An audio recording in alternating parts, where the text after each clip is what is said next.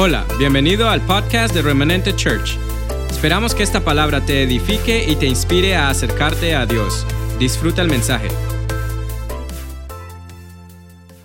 Les decía que, que necesitamos realmente crecer. Necesitamos, y estos son tiempos donde como hijos de Dios necesitamos madurar. Necesitamos ser más responsables por nuestra vida en Dios. Y cuando hablamos de madurez, estamos hablando de aprender a gobernar nuestras emociones. Gente madura se enfoca en lo que Dios ha dicho. Gente madura se enfoca en lo que Dios ha hablado. Gente madura se enfoca más allá de lo que uno desee, más allá de lo que uno sienta, se enfoca en lo que Dios marcó, en lo que Dios trazó para nosotros. Entonces, cuando estamos hablando de madurez, es que todo lo que Dios nos, ha dado se ha invertido adecuadamente en lo que produce, en lo que provoca bendición, en lo que hace que avancemos. Uno de los problemas de la inmadurez es que hace que nos enfoquemos en el problema, que nos enfoquemos en las circunstancias, que nos enfoquemos en, lo negativo. Eso es lo que hace la madurez. La madurez siempre nos lleva a enfocarnos en aquello que nos distrae, en aquello que nos detiene, en aquello que no nos deja avanzar. Pero cuando hablamos de madurez, estamos hablando de aquello que, permite alcanzar propósitos, de aquello que permite ver no solamente en nosotros, sino en los demás. Vemos lo mejor, vemos lo que vale, lo que, el valor de las personas. Entonces, yo hablaba hace un tiempo de, de lo que era influencia. Si nosotros queremos influenciar las personas, la mejor manera de influenciar es enfocarnos en lo positivo de las personas, en lo bueno de las personas. Desafortunadamente hoy por hoy se ha desarrollado una cultura donde la gente no avanza porque está enfocada en lo negativo, en lo, en lo, que, en lo que no provoca, en lo que no produce, en lo que no permite avanzar. Por eso hay crítica, por eso hay murmuración, por eso hay juicio, por eso hay una cultura de, de, de devalúo devaluamos, nos devaluamos unos a otros. Entonces, cuando hablamos de madurez, estamos hablando de enfocarnos en lo que Dios ha provocado, ha producido, en aprender a ver en el otro, quizá no el producto terminado, pero sí ver lo que Dios, el potencial de lo que Dios quiere hacer en la persona que está al frente mío, en la persona con quien comparto, en la persona que hace parte de mi vida, en, la esposa, en el esposo, en los hijos, en la familia. Entonces, cuando hablamos de, madurez, tenemos que buscar una plataforma. Dios nos creó para avanzar y nos dio una plataforma para ello, para ser instruidos. Y, y, cuando hablamos de madurez, estamos hablando de que hay un lugar donde tenemos que partir, donde esa madurez tiene que ser generada y es la familia. Es la familia. Dios nos dio una plataforma que se llama la familia sobre la tierra. La primera institución que Dios creó para establecer la humanidad fue la familia creó al hombre y le dio una ayuda idónea. ¿Para qué? Para que creara familia. Lo que nos hace pensar y nos tiene que hacer pensar que hay una estructura que Dios estableció para la tierra en el momento en que pensó en crear al hombre y es la familia. La familia fue esa institución y esa, esa plataforma que Dios estableció para que el hombre fuera instruido, para que el hombre creciera, para que el hombre fuera fortalecido, para que el hombre avanzara, para que el hombre se desarrollara. Desafortunadamente, el diseño, porque la familia es un diseño, el diseño ha, sido, ha ido siendo pervertido, ha ido siendo lastimado, ha ido siendo dañado. Pero estos son tiempos donde nosotros como hijos de Dios tenemos que permanecer fortalecidos para defender ese diseño, para mantener ese diseño. Porque si Dios estableció, escúcheme, cuando yo pienso en Dios, y la creación, más allá de los evolucionistas, más allá de lo que piensan que venimos de la nada o de la materia, pero hay un Dios real que vino a nuestra vida, que nos creó. Cuando yo pienso en Dios, yo pienso, ¿cuál fue el propósito cuando Dios creó al hombre? ¿Qué estaba pensando Dios cuando Dios creó al hombre? Dios estaba pensando en familia. Dios estaba pensando en establecer una estructura, una plataforma donde el hombre pudiera ser fortalecido y fundamentado para que pudiese desarrollarse, para que pudiese madurar, para que pudiera crecer, para que pudiera cumplir propósito. Por eso es que el enemigo siempre está buscando cómo atacar la familia, cómo destruir la familia. El enemigo está buscando siempre cómo, cómo dañar el diseño de Dios. El enemigo siempre está levantando antidiseños para acabar los diseños apropiados de Dios. Y trae confusión, y trae eh, eh, distracción Siempre está dañando la, perspectiva de las cosas y para eso usa las emociones. Y por eso no hay madurez en las personas. Entonces yo quiero hablarte hoy de lo que la familia representa, la importancia de la familia, a partir de la pareja misma, a partir de los hijos, a partir de, esa estructura, de esa institución que Dios estableció para que la tierra fuese ordenada, para que la tierra caminara en propósito, para que la tierra, la humanidad, caminara en un diseño que Él estableció de antemano, perfecto, porque el, diseño de la familia es un diseño perfecto de Dios. Un hombre, una mujer. Eso es un diseño perfecto. Un diseño perfecto donde creó un hombre y una mujer tan perfectos que al unirse provocan más seres humanos. Eso es un diseño perfecto. Algo que, es, como, como una, una cosecha perfecta. ¿Qué es una cosecha perfecta para un agricultor? Que sembró una semilla y que esa semilla fue regada y dio fruto. Eso es un diseño perfecto. Eso es una, cosecha perfecta. Que el, que, el, que el agricultor pueda recoger el fruto de aquello que sembró. Entonces lo mismo sucede con la familia. Dios une un hombre y una mujer para que se multiplique, para establecer familia.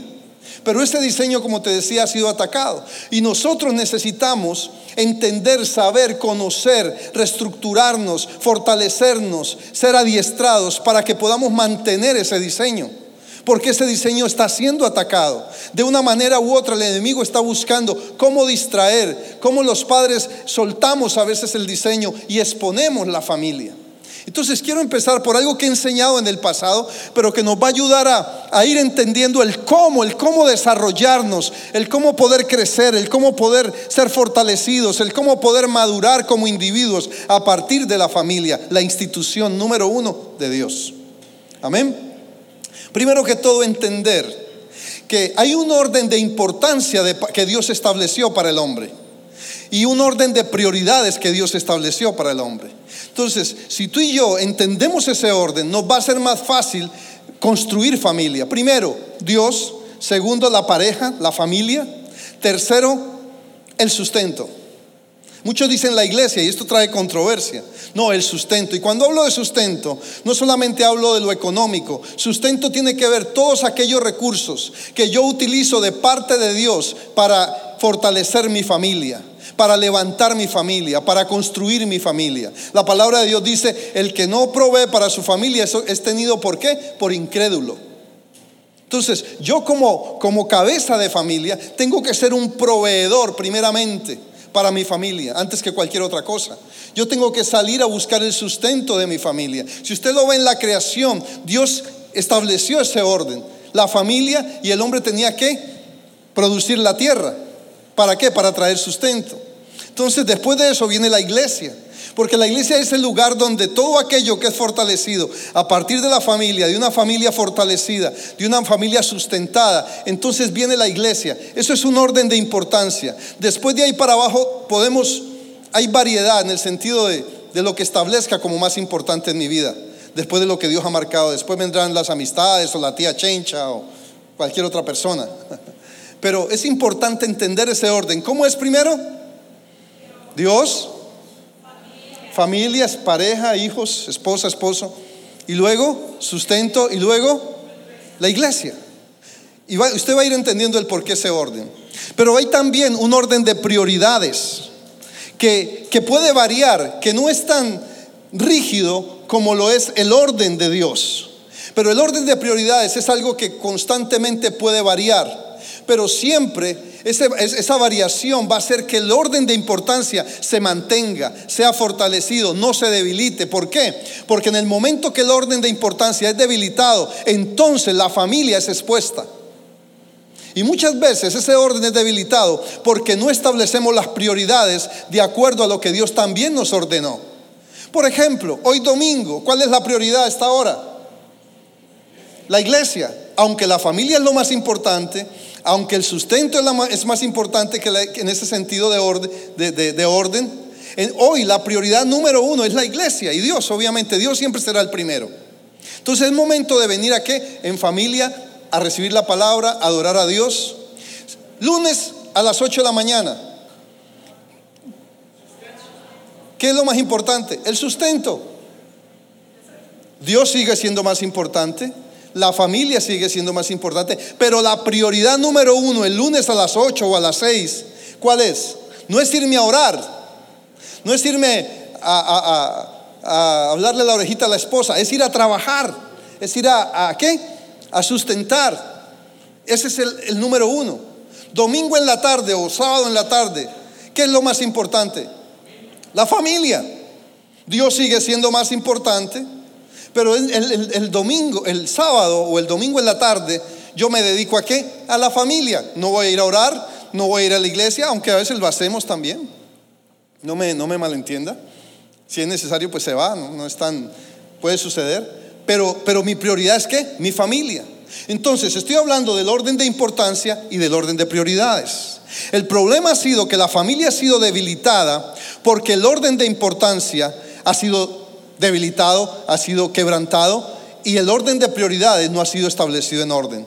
¿Por qué? Porque los padres, aun cuando tomamos decisiones, lo hacemos pensando en nosotros mismos y no en la familia, no en los hijos. Yo tengo que pensar mis decisiones, cuánto afectarán mi familia, mis hijos, cuando Dios ya me estableció un orden, cuando Dios ha, hecho una propuesta para mi vida y yo de repente, por cualquier circunstancia, cambio esa propuesta. ¿Qué va a pasar con mis hijos? ¿Qué va a pasar con mis hijos cuando decido cambiar de ciudad, cuando decido cambiar de trabajo, cuando emocionalmente tomo decisiones? ¿Qué va a pasar con, mis hijos cuando solamente estoy pensando en ti, en, en mí, perdón? Cuando el orden de Dios es que yo piense en la familia. Entonces, entender esto, entender esta estructura, es lo que hace guardar el diseño. Porque el diseño está siendo golpeado, porque la familia está siendo lastimada, porque familia está siendo, el diseño de familia ha estado siendo pervertido. Dios estableció un hombre y una mujer, pero el diseño se está pervirtiendo afuera. Ahora hay otro diseño de familia, un hombre, un hombre, hijos, una mujer, una mujer, hijos. Eso es pervertir un diseño. ¿Me está entendiendo, iglesia? Entonces, tenemos que ser nosotros como hijos de Dios, que tenemos la estructura, que conocemos el diseño, que conocemos los trazos de ese diseño, que son la palabra de Dios. Tenemos que ser defensores del diseño.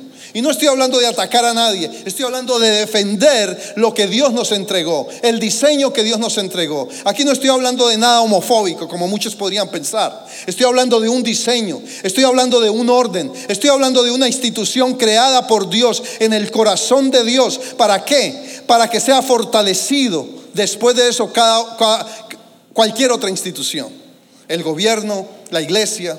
Entonces, entender esto y esta introducción es para entender que somos parte de un diseño, que somos parte de un propósito, que tenemos un diseño que modelar y, debemos modelarlo de acuerdo a la instrucción misma que se nos ha sido entregada. ¿Por qué? Porque hoy por hoy, al, al perder el orden y al debilitar las prioridades, la familia ha sido lastimada. Los padres no, no estamos operando en el gobierno de Dios, no estamos legislando de acuerdo al gobierno de Dios porque no hemos entendido todavía que la estructura de Dios no, no fue a partir de la iglesia, sino a partir de la familia. Déjeme explicarle esto. Efesios capítulo 4, versículo 11 dice que Él constituyó a unos apóstoles, profetas, maestros, evangelistas y pastores. Esas son herramientas que Dios entregó a la iglesia en el sentido del beneficio. Pero eh, tenemos, pero la iglesia no comienza aquí. La iglesia comienza en casa. Entonces, lo que no hemos tenido en cuenta, y esto usted nunca lo había visto, es que los ministerios yo empiezo a ejercerlos en casa. Cuando yo puedo operar, no en, no en, un título, porque no es un tema de un título, de un apóstol, o de un profeta, o de un pastor, o de un evangelista, o de un maestro. Es el, eh, eh, tiene que ver con un diseño que Dios entregó, con una herramienta que Dios entregó para que yo como padre, como madre, me mueva en familia, en casa, dentro de lo apostólico, dentro de lo profético, dentro de lo magisterial, dentro de lo pastoral, dentro de lo evangelístico. ¿De qué manera? ¿Cuál es la función de un apóstol? Establecer fundamento. No es estar arriba en un techo, porque la Biblia dice en Efesios capítulo 2, versículo 20 que el fundamento de lo apostólico y lo perdón, de la iglesia, el fundamento es lo apostólico y lo profético. Entonces yo quiero romper ese esquema en tu mente de que cuando pensamos en lo apostólico estamos pensando en un hombre o simplemente en un título. No, tiene que ver con una función, con un mover que yo ejecuto de gobierno de parte de Dios dentro de mi familia.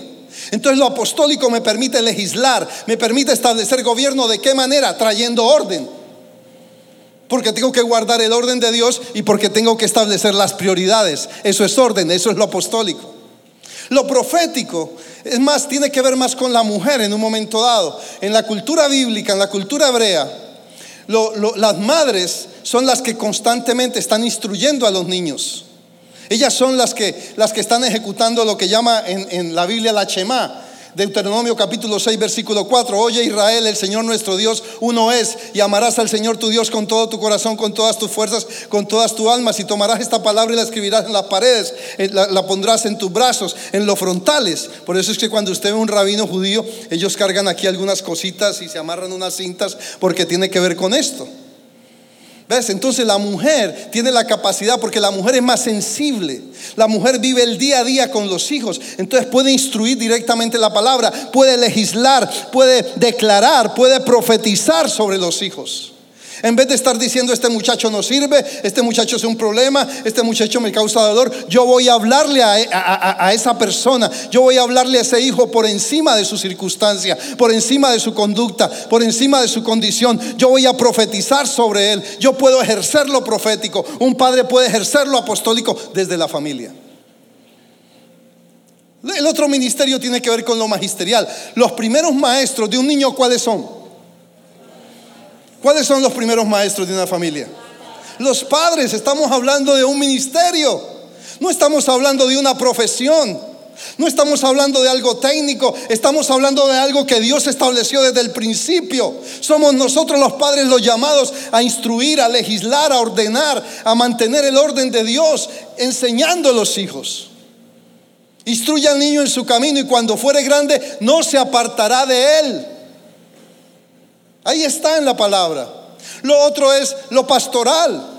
Nosotros somos llamados a pastorear nuestros hijos. Somos llamados a evangelizar. Si mi hijo no se ha convertido a Cristo, yo lo evangelizo. Yo lo evangelizo en, casa. Yo no puedo esperar que él crezca y que alguien de un día cualquiera se aparezca y le hable de Cristo. Yo como padre, como madre, estoy llamado a establecer esos ministerios, a buscar esas herramientas, a operar en esas herramientas para establecer el fundamento a partir de la casa. Amén. Diga, ay, diga amén. Pero no, todo lo hemos llevado al plano de la iglesia. Amén por la iglesia, amén porque nos reunimos a adorar a Dios. Tenemos que reunirnos. La Biblia dice que no dejemos de congregarnos, pero mantengamos el orden, porque si no establecemos el orden, entonces vamos a tener a los hijos confundidos y expuestos. Cualquier cosa nos distrae como padres. Cualquier decisión, situación nos lleva a decidir diferente. Pero hay un orden establecido por Dios. Yo en el momento de tomar una decisión, yo considero a mis hijos. Y siempre lo voy a hacer y siempre lo he hecho. Tomamos decisiones en familia. Aunque la responsabilidad termina siendo mía. ¿Qué opina mi hijo? ¿En qué va a afectar? Yo quiero vender mi casa, pero mi hijo me dijo, papá, yo quiero terminar la escuela donde estoy. Ya hoy mi último año. Eso para mí es importante, eso tiene que ser importante. Yo tengo que considerar en qué mis decisiones van a afectar a mis hijos. Y a veces no lo pensamos. Y tengo que pensar las decisiones que mi hijo está tomando, en qué afectan la familia. Y debo estorbarlo. Porque yo soy su apóstol, porque yo soy su pastor, porque yo soy su maestro, porque yo soy su profeta, porque yo soy su evangelista, porque yo soy su maestro. Entonces, si yo voy a hablar de lo apostólico, lo apostólico contiene paternidad y paternidad comienza en casa. El espíritu de orfandad, déjame decirte, ha comenzado en la familia. Cuando no hemos operado en paternidad.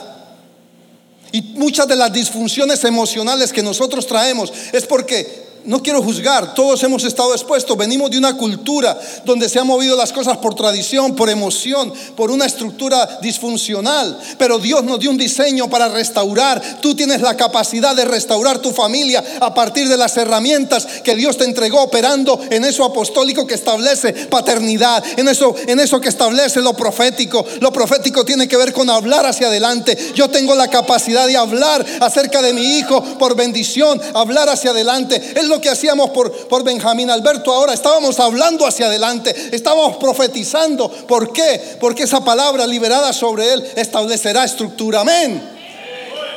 Dale ese aplauso al Señor. Necesitamos establecer una familia ministerial. Y cuando, mire, escucha esto. Y te estoy hablando del espíritu, no necesito ni notas. Cuando, cuando el pueblo de Israel salió de, fue a salir de, Egipto y el faraón se oponía, ¿qué, hizo? ¿Qué, ¿Qué hizo Moisés? Fue y le dijo, el Señor dice, deja ir a mi pueblo, ¿para qué? ¿Para qué? Para que me adore, para que me sirva. ¿Qué estaba pensando el Señor? De que ese pueblo era una familia para él de la cual era del Padre. Entonces la familia dentro de la estructura de Dios, la familia tiene que pensar en servir a Dios, tiene que pensar en adorar a Dios. Fuimos si usted ve naciones como Israel y como las naciones árabes, su cultura y la familia se mueve en base a la adoración. Mire, mire, mire la cultura hindú. La cultura hindú o india tiene más de 30 mil dioses. Ellos tienen dioses por clanes. Por ejemplo, este barrio o esta comunidad aquí tiene un Dios, la del frente tiene otro Dios. Pero todo se mueve en base a la familia. La familia depende de eso. Equivocado no, hay una estructura de familia, pero curiosamente en, en la cultura cristiana no sucede así. En la cultura judía ellos respetan la familia. Ellos respetan el diseño, respetan la estructura y por eso son, son como son. Pero en nuestra cultura eso se ha perdido. En la cultura occidental la familia ha pasado a segundo, tercero, cuarto, quinto plano. ¿Por qué? Porque no hay un fundamento o no hemos ejecutado el fundamento, porque tomamos decisiones irresponsables que no pensamos cuánto pueden afectar nuestra familia, nuestro entorno, nuestra casa, nuestro matrimonio. Y yo estoy aquí para decírtelo. Tenemos que volver al diseño tenemos que defender al diseño. Yo tengo que saber si yo me tomo esta decisión, si, si yo me, me, muevo de aquí o allá, o cambio de trabajo, o cambio de ciudad, o cambio de lo que cambie. Yo tengo que saber en qué afecta mi casa.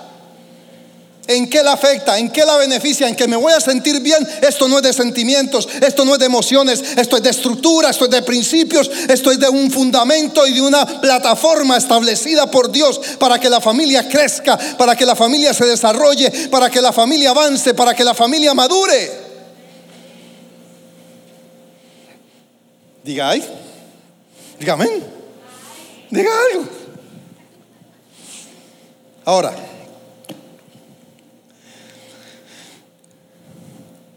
Muchas veces, ustedes saben, el matrimonio, la pareja está siendo expuesta. Hoy por hoy es lo más atacado en la sociedad. Del, escuche esto que le voy a decir.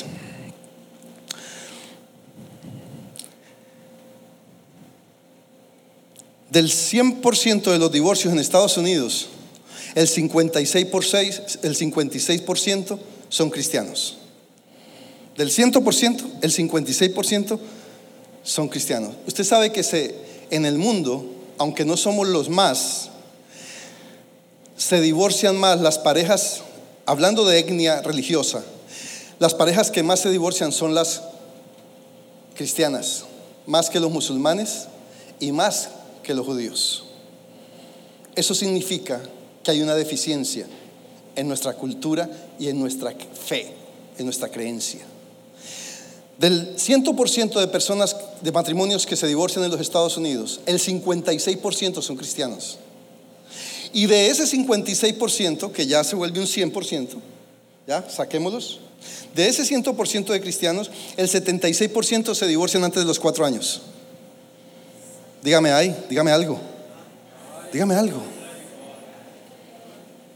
Pues yo no te estoy hablando cuentos. Yo te estoy hablando de algo que está pasando, algo que es real, que no complace, pero es real. Entonces necesitamos pelear por esto. Yo, si yo soy pastor, si yo te sirvo a Dios, hombre, yo, yo, no me quiero quedar con las manos cruzadas. Yo no estoy aquí para predicarte un, un sermoncito cada ocho días, porque lo que estoy haciendo es entreteniéndote. Y para entretener, de eso hay bastante quien haga ahora por ahí. Y quien te distraiga también. Eso está pasando todo el tiempo. Pero quienes realmente queremos caminar por estructura y no por sacar simplemente un, proyecto adelante.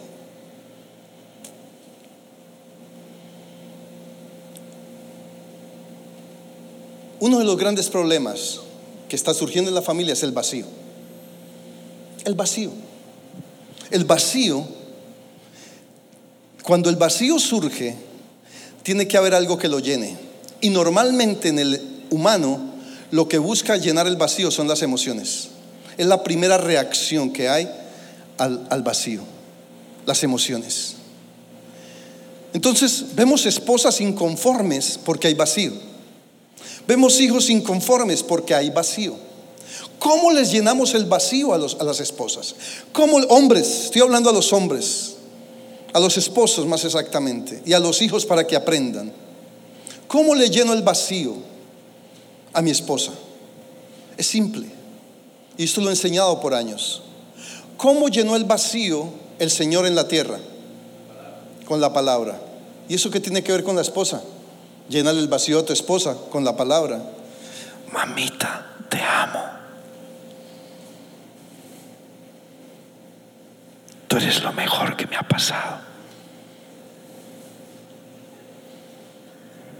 Tú eres el regalo de Dios para mi vida. ¿Tú qué estás haciendo?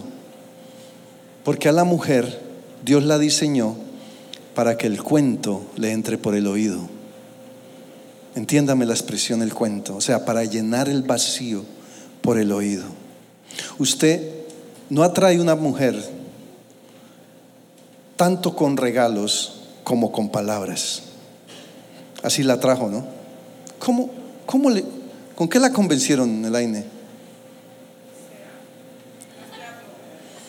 Dios le habló, le llenó el vacío. Piensen cómo la, cómo la convenciste, Ariel. Muela, eso le llamamos en Colombia muela, echándole muela. Porque la palabra, escúcheme, llena el vacío. ¿Cómo yo lleno el vacío de mis hijos? Pregúnteles. Yo los llamo, les digo todo el tiempo que los amo, que los amo, que los amo. Y lo hago deliberadamente porque yo sé que eso llena vacío. Si ellos toman otra decisión no tendrán excusa porque amor les he dado. O sea, yo me he dedicado a llenar el vacío de ellos. A, que luchen contra el rechazo porque todos traemos vacíos, todos traemos rechazo. Pero si yo veo el modelo de Dios, ¿cuál fue? Él dice que la tierra estaba desordenada y vacía, en caos. ¿Qué hizo Dios? Habló la palabra. En el momento que habló la palabra, todo llamó a qué? Al orden. Entonces, si vamos a gobernar, gobernamos con la palabra. Empiezo qué? Amando a mi esposa, a mis hijos. ¿Hay esposos aquí? ¿Sí? ¿Quién está aquí con su esposa? Dígale al oído, te amo. ¿Cuándo fue la última vez que usted le dijo? Para que cuando yo le vuelva a preguntar ahora, usted diga, hace dos segundos, pastor, le dije que la amo. Dígale, la amo. Dígaselo al oído. Dígale, está mi esposa. Dígaselo. Estamos qué? Llenando vacío. Porque usted ve una mujer que el esposo le dice te amo y puede estar así alegando y ella de pronto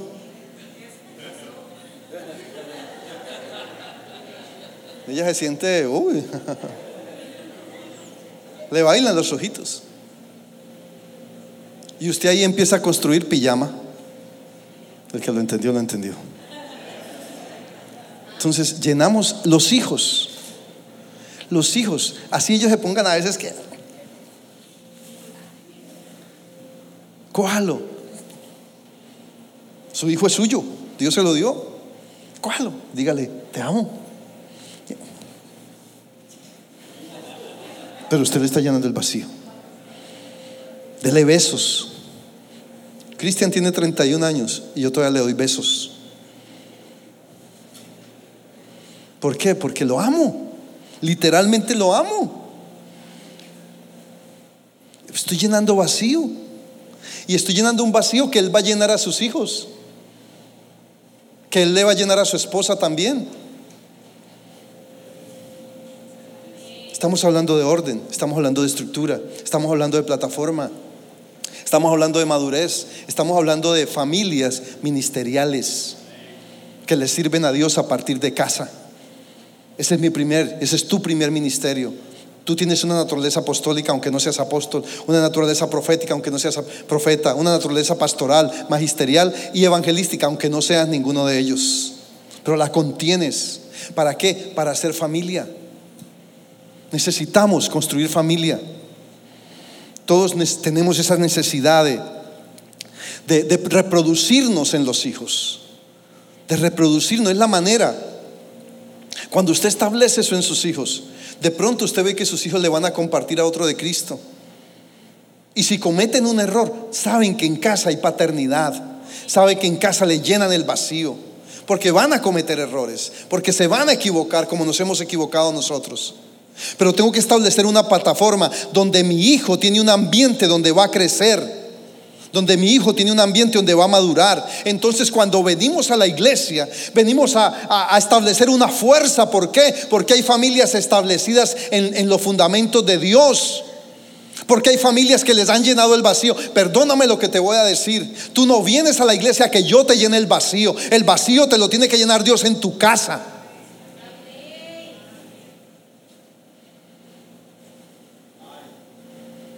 Y, voy a romperle esquemas. ¿Por qué? Porque no porque yo me quiera defender, es porque tenemos que quebrantar esa estructura codependiente. Yo no estoy aquí para que tú dependas de mí. Hay gente que está creando relaciones y está creando y estableciendo codependencia en la gente para manipularla. Y yo veo eso tan claro, hermano, pero ¿qué puedo hacer? No puedo hacer nada. Es Dios a través de una estructura que te lo muestra. Gente que toma decisiones sin un fundamento de gobierno, de autoridad. Porque la familia es eso, la familia establece gobierno, la familia establece autoridad. Y cuando venimos a la iglesia nos fortalecemos en ello, en un orden de Dios, en un diseño, en un propósito. Pero hoy por hoy, tratando de construir, estamos dividiendo. Entonces se divide la familia. ¿Me está entendiendo, iglesia?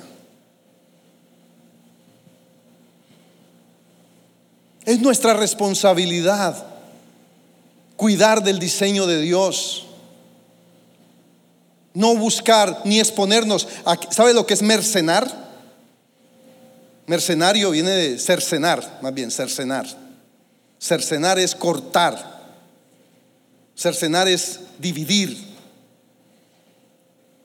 Y hay quienes están cercenando el cuerpo, cercenando la familia, porque la familia es el cuerpo. Pero si entendemos el orden de Dios, más allá de lo que me gusta o no me gusta, más allá de lo que es placentero o no lo es, si entendemos el diseño, el orden de Dios, la estructura de Dios, vamos a tener familias fortalecidas. Y yo le voy a decir algo, lo más importante para mí, y quiero decirlo públicamente, no es la iglesia, es mi familia. Y para ti debe ser lo mismo.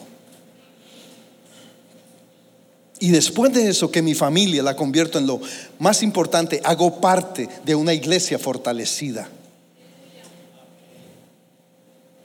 Entonces juntos, como familias, ya entonces vamos a construir iglesia. Y vamos a ver fruto. La iglesia solamente es una herramienta, es un instrumento, pero la institución más importante sobre la tierra es la familia. Con ella fue que Dios creó la humanidad. Y necesitamos caminar en esa dimensión.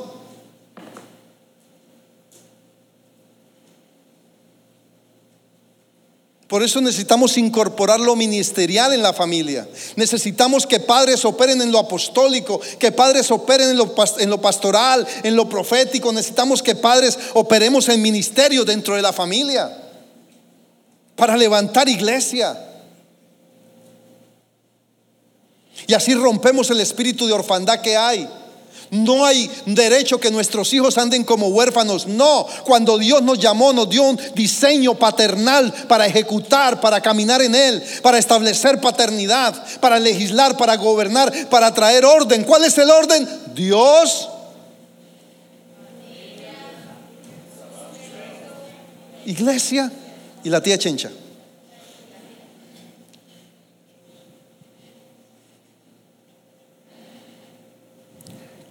Entonces, cuando los hijos son levantados dentro de la casa, los padres se reproducen en ellos.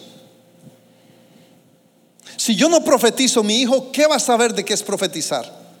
Si yo no evangelizo, ¿qué va a saber si mi, mi hijo, qué es evangelismo si no lo he evangelizado ni siquiera a él? Si no instruyo, escúcheme, si no soy magisterial, si no soy maestro en casa, ¿qué mis hijos van a entender de eso? Le hemos dejado a la escuela que les de información. Pero el deber del orden de Dios, del diseño de Dios, es que los padres operemos ministerialmente. Y usted va a ver el fruto de ello. Usted va a ver el fruto. Yo sé de lo que le estoy hablando, iglesia. Yo sé de qué te estoy hablando. ¿Por qué? Porque cuando hay una familia fortalecida, la iglesia establece se vuelve parte de nuestro destino. En días pasados yo di una prédica, este año, no me acuerdo cuándo, donde hablaba de que mi destino estaba ligado al tuyo y el tuyo al mío. Claro, y, gente me lo decía, alguien vino y me dijo, pastor, yo no entiendo eso, explíquemelo. Cuando Moisés, Dios lo llamó a libertar a Israel, Moisés huyó de Egipto al desierto. ¿A dónde le tocó volver? ¿A dónde le tocó volver? Egipto. ¿Por qué? Porque Dios lo había llamado como libertador. Cuando Dios lo llamó a Nínive, él se fue para otro lado. ¿A dónde le tocó volver? A Nínive. Dios nos establece en familia para mantenernos en familia.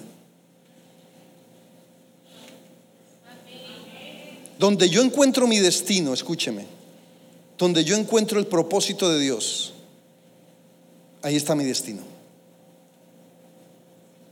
A veces Dios nos moverá de un lugar a otro. Pero asegúrate que donde Dios te establece encuentres tu destino y el de tu familia. Si tú estás viendo que tu familia ahí crece, ahí es bendecida, es porque Dios ha marcado destino, ha marcado propósito. ¿Me está entendiendo, iglesia? Pero necesitamos ser ministeriales cuando el diseño está siendo tan golpeado y está siendo tan pervertido allá afuera, necesitamos convertirnos en defensores del diseño que Dios nos entregó. Y Dios es tan ministerial para la familia, ya voy a terminar, váyase a Primera de Crónicas, capítulo 25. 25, voy a leerle tres versículos para que usted vea cómo Dios involucra a la familia en lo ministerial. No es un tema de un pastor, no es un tema de un apóstol, no es un tema de, un profeta, no es un tema de un maestro, no es un tema de un evangelista, es un tema de que involucremos lo ministerial en la familia, porque para eso Dios lo estableció. Primera de Crónicas, capítulo 25, versículo 1. Asimismo David y los jefes del ejército apartaron para qué? Para el ministerio a los hijos o sea, a la familia de Asaf, a la familia de Man, a la familia de Jedutum. ¿Para qué? Para que profetizasen con arpas, salterios, címbalos y el número de ellos, hombres idóneos, para la obra de qué? De su ministerio. ¿En qué? En familia. Que viene a ejecutarse donde? En la iglesia. Es diferente. Versículo 3. De los hijos de Jedutum, Gadalías, Serij, Jesaías, Asabías, Dillauma, Matatías, Simei, seis, bajo la dirección de su padre Jedutún, el cual profetizaba con arpa, ¿para qué? Para aclamar y adorar a Dios. Versículo 6. Y todos estos estaban bajo la dirección de su padre en la música, en la casa del Señor, con címbalos, salterios y arpas, para el ministerio del templo de Dios. Asaf, Asaf, Jedutún, y Emán estaban por disposición del rey. Entonces entienda esto y lo que yo le estoy hablando esta mañana es revelación de Dios para su vida. Establezca lo ministerial en su casa. Ah, pastor, que yo no tengo una familia. Establezca lo ministerial en su vida. Legíslese, gobiernese bajo lo ministerial. Establezca el orden de Dios. Dios, la familia, el sustento, la iglesia y el orden de prioridades. Si aprendemos a manejar esto, créame que habrá orden. Y si hay orden, hay acuerdo. También te lo he enseñado. Si hay orden, si yo establezco el orden en mi casa, ¿cómo establezco el orden? Llenando el vacío de mi esposa y de mis hijos. Ahí, y llenando mi vacío, ahí establezco orden. Cuando eso sucede, entonces entro en acuerdo con mi esposa y con mi familia. Si no hay orden, no habrá acuerdo. Usted verá una familia, el uno por un lado, el otro por otro lado, el otro por allá, porque no hay orden. Papá, mamá, no te dé miedo establecer el orden. Saca la cartilla. Saque la cartilla. Yo le doy gracias a Dios por, por los hijos que me ha dado. Cada uno le damos gracias a Dios, obviamente.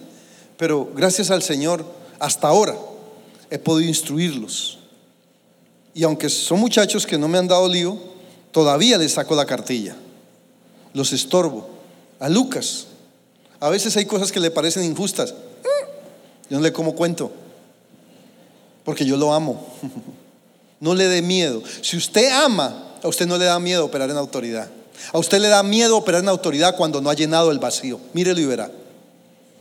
No le he dado amor, no he sido especial con él, no he tenido cuidado. Claro, ¿cómo le voy a ir a demandar? Lo que creo es una anarquía. Pero si soy un papá, una mamá que amo, que le lleno el vacío, entonces los puedo llamar al acuerdo. Venga acá, papito. No le dé miedo, no le coma cuento. Es algo que es no comer cuento, ¿no? Ay, no, es que a veces es triste que hoy los hijos intimiden a los padres. No, no es orden de Dios se patalaría, pataleará, patalear, patalear, del verbo hizo así, eso patalear.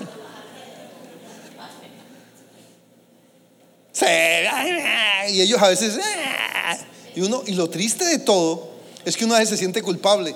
¿No le ha pasado, papá? Ah, no solo me ha pasado a mí, pues, ah, pues, yo soy el culpable. Porque uno les come cuento. No, si usted lo está protegiendo, amándolo. Claro, ninguna disciplina del presente es causa de gozo, de alegría. Esto va a incomodar, va a molestar, pero estorbe porque Dios mandó a estorbar. Pero también ámelos, porque si usted estorba sin amar, se vuelve anárquico. O sea, se vuelve abusivo. Ame. Cuando usted ama, usted le saca la cartilla. Usted le dice, venga acá, papito. Yo sé de qué le hablo. Entonces entras en acuerdo. Cuando hay, cuando orden, habrá acuerdo. Y cuando hay orden y acuerdo, habrá unidad. Habrá unidad. No piensen en una familia unida, porque hoy por hoy eso es... Todo el mundo dice, es que mi familia es muy unida, nosotros somos unidos. Todo el mundo, yo le digo a muchos, mi familia es unida. muéstrame el acuerdo y muéstrame el orden, y ahí yo te creo si eres unido. Porque si no hay orden, no te vas a poner de acuerdo. Y si no estás de acuerdo, mucho menos va a estar en unidad con tu pareja, con tu esposo, tu esposa, tu familia. ¿Cómo empieza todo? Llama al orden. Dios. ¿Y cómo empieza el orden? No, pues vamos a barrer la casa. No, no, no, no, eso es limpieza. Vamos a atenderla, es que mi casita vive ordenada. No, eso no es orden, eso es limpieza, es diferente.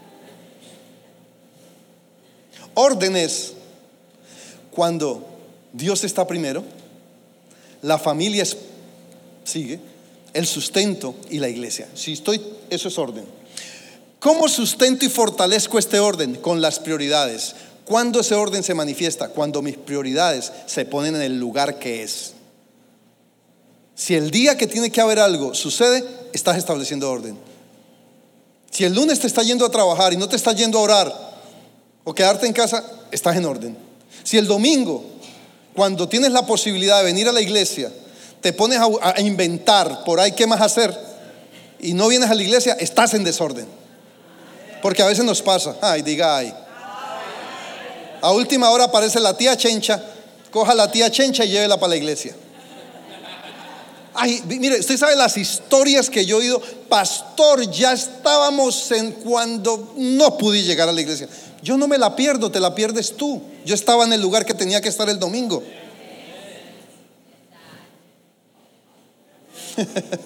Gente, o sea, hay, veces, y, y perdónenme, voy a hablarle aquí como así como cuando uno habla. así como cuando es, esto, esto que le voy a decir se llama behind the escena, detrás del telón. ¿Cuál es el detrás del telón que nosotros los pastores a todos decimos, eh, tranquilo, entiendo, entiendo. Si uno sabe cómo es, me vienen a echar historias de por qué no vinieron a la iglesia. Come on, yo no me la pierdo, te la pierdes tú. Yo no, yo estoy aquí donde tengo que estar todos los domingos o predicando en otro lugar.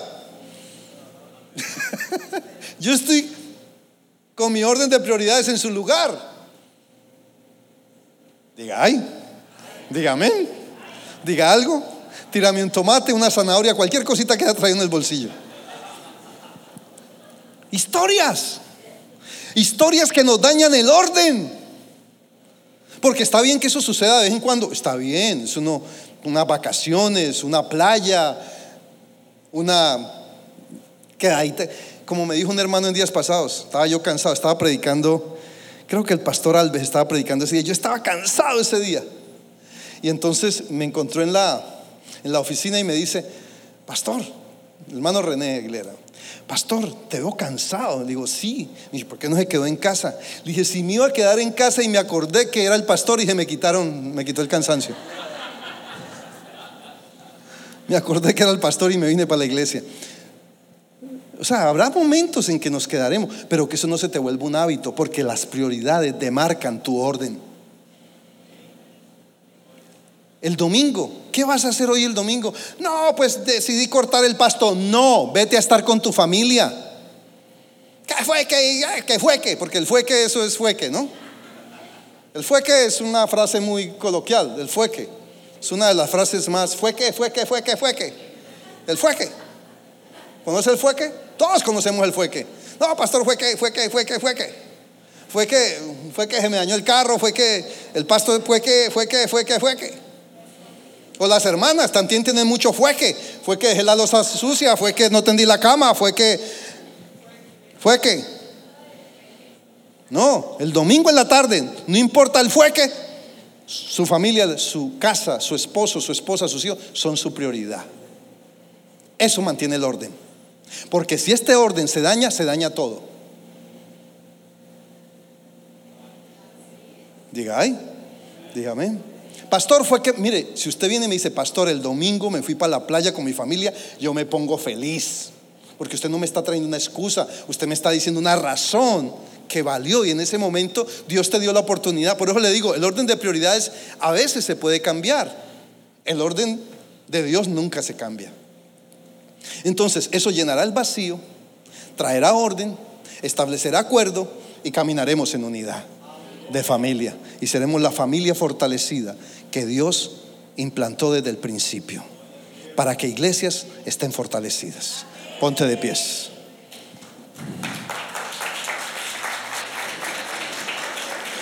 Padre, venimos delante de ti, reconociendo que tú nos entregaste un diseño por el cual queremos responder, Dios. Hoy, voluntariamente te decimos, Señor, queremos caminar en tu diseño. Queremos cuidar de aquello y mantenernos en esa plataforma que tú nos diste. Permítenos ser familias ministeriales, familias que caminan en lo que tú estableciste, Padre, en tu diseño. Familias que maduran, familias que crecen. Permite establecer el acuerdo, el orden, la unidad en nuestra familia. Permítenos llenar el vacío de nuestras esposas, de nuestros hijos, nuestros vacíos, Señor para que entonces, Señor, se establezca tu propósito, tu diseño en nuestra casa. Bendice cada familia en este lugar, cada matrimonio, cada vida de pareja, Señor, cada hijo, Padre. Glorifícate, Señor. Necesitamos ser defensores, necesitamos ser pro familia, pro diseño, Señor. En el nombre de Jesucristo. Glorifícate, Dios. Glorifícate. Bendice cada familia aquí representada, Señor. Cada esposo, cada esposa, cada hijo, cada hombre, cada mujer, cada niño, cada joven. Y establece, marca tu diseño, Señor. En el nombre de Jesús. Enséñanos a llenar el vacío, Padre, que tanto afecta. Levanta hombres, padres que aman, madres que aman, hijos que asimilan el amor, hijos que en quienes el vacío es lleno, Dios, por causa de un diseño correcto.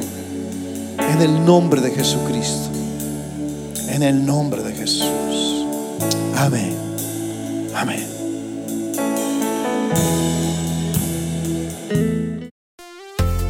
Esperamos que este mensaje haya sido de bendición. No te olvides de suscribirte a nuestro podcast y seguirnos en Facebook e Instagram arroba remanente church.